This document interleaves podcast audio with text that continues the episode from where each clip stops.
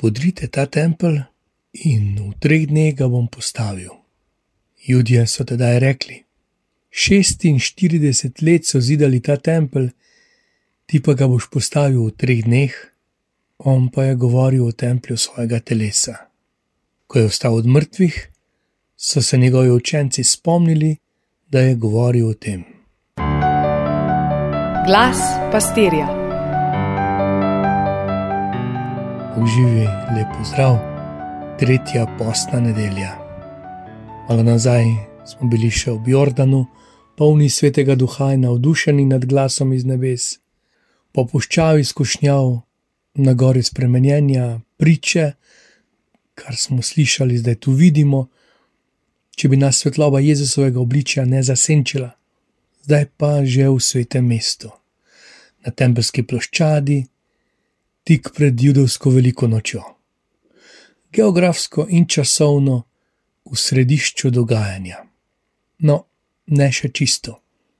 Končno govorimo o obljubah, ki se še niso izpolnile. Smo v templju, ki ga zidajo človeške roke, ki ga tudi podirajo in obhajamo praznik, ki govori o obljubi, ki se bo izpolnila, da bo prišel obljubljeni Mesija. V ta epicenter vstopi z voljo in premišljeno. Tudi dejanja in besede niso iz raztresenosti ali neobvladljive jeze.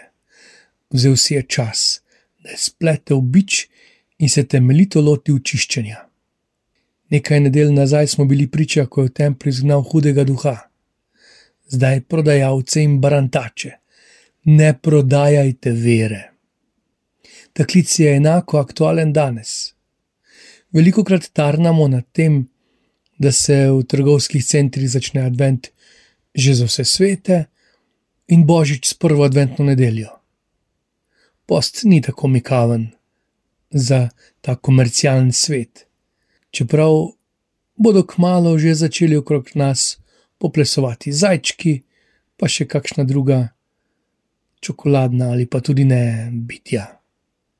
Ko Jezus oži fokus na očeta, tudi nas, ali pa predvsem nas, ki se zbiramo okoli templja, spodbuja ali pa biča, da post ne prodamo za skrb za zdravo telo, molitev ne za umilitev misli, opravljanje dobrih del pa ne za tak civilni aktivizem.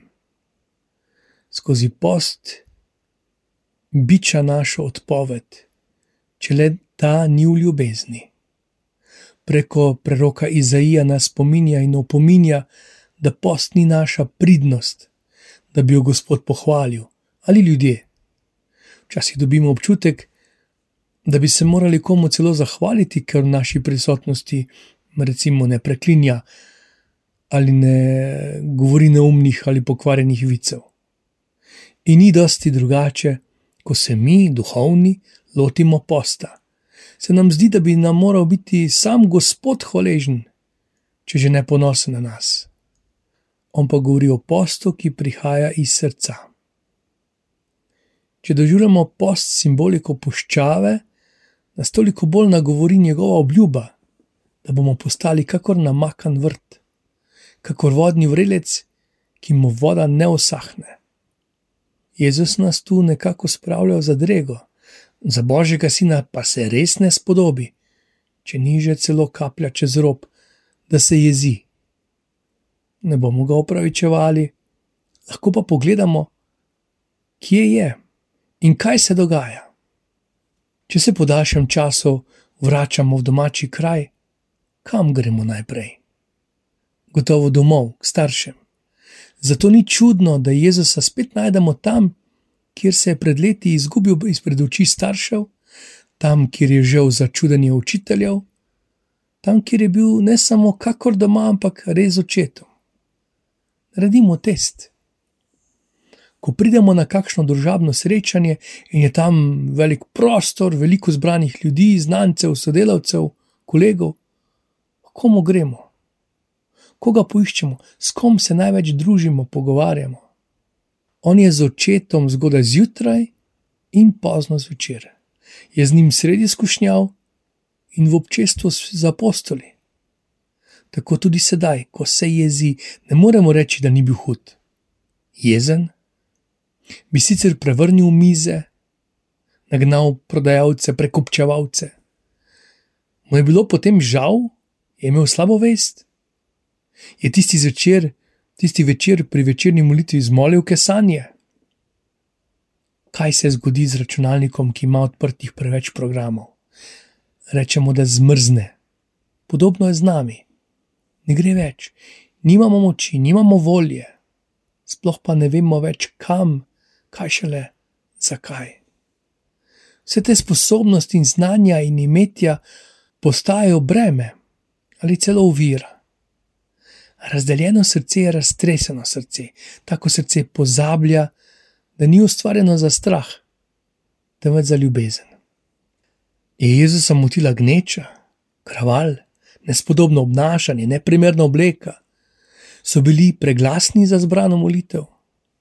Jasno je, da ne govori o lepem templju, ki je zgrajen iz mogočnih in okrašenih kamnov kaj nam koristijo tisočere kapele in premnoga svetišča, če ni več koga, ki bi gospoda slavil. Verjetno je pohvalno, da se tako trudimo za lepoto in urejenost svetišč.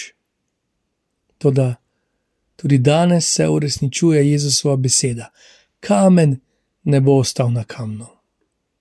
Ko jim je to govoril, ga učenci niso razumeli in ga ne razumemo tudi mi jasno je postalo po vstajenju, še bolj v luči svetega duha. Res, da danes v naših svetiščih ni prodajalcev volov in ovc in golobov, so pa žal dosti krat mašne prireditve, koncertovanja, bodi si vzvišena ali mrtvo pravoverna liturgična opravila. Nisem prepričan, če to, kar se dogaja, ni morda bič gospodov ko nas osvobaja vsega balasta in okvirov, da bi končno spet častili Boga v očetovi hiši. Bog živi, vse dobro.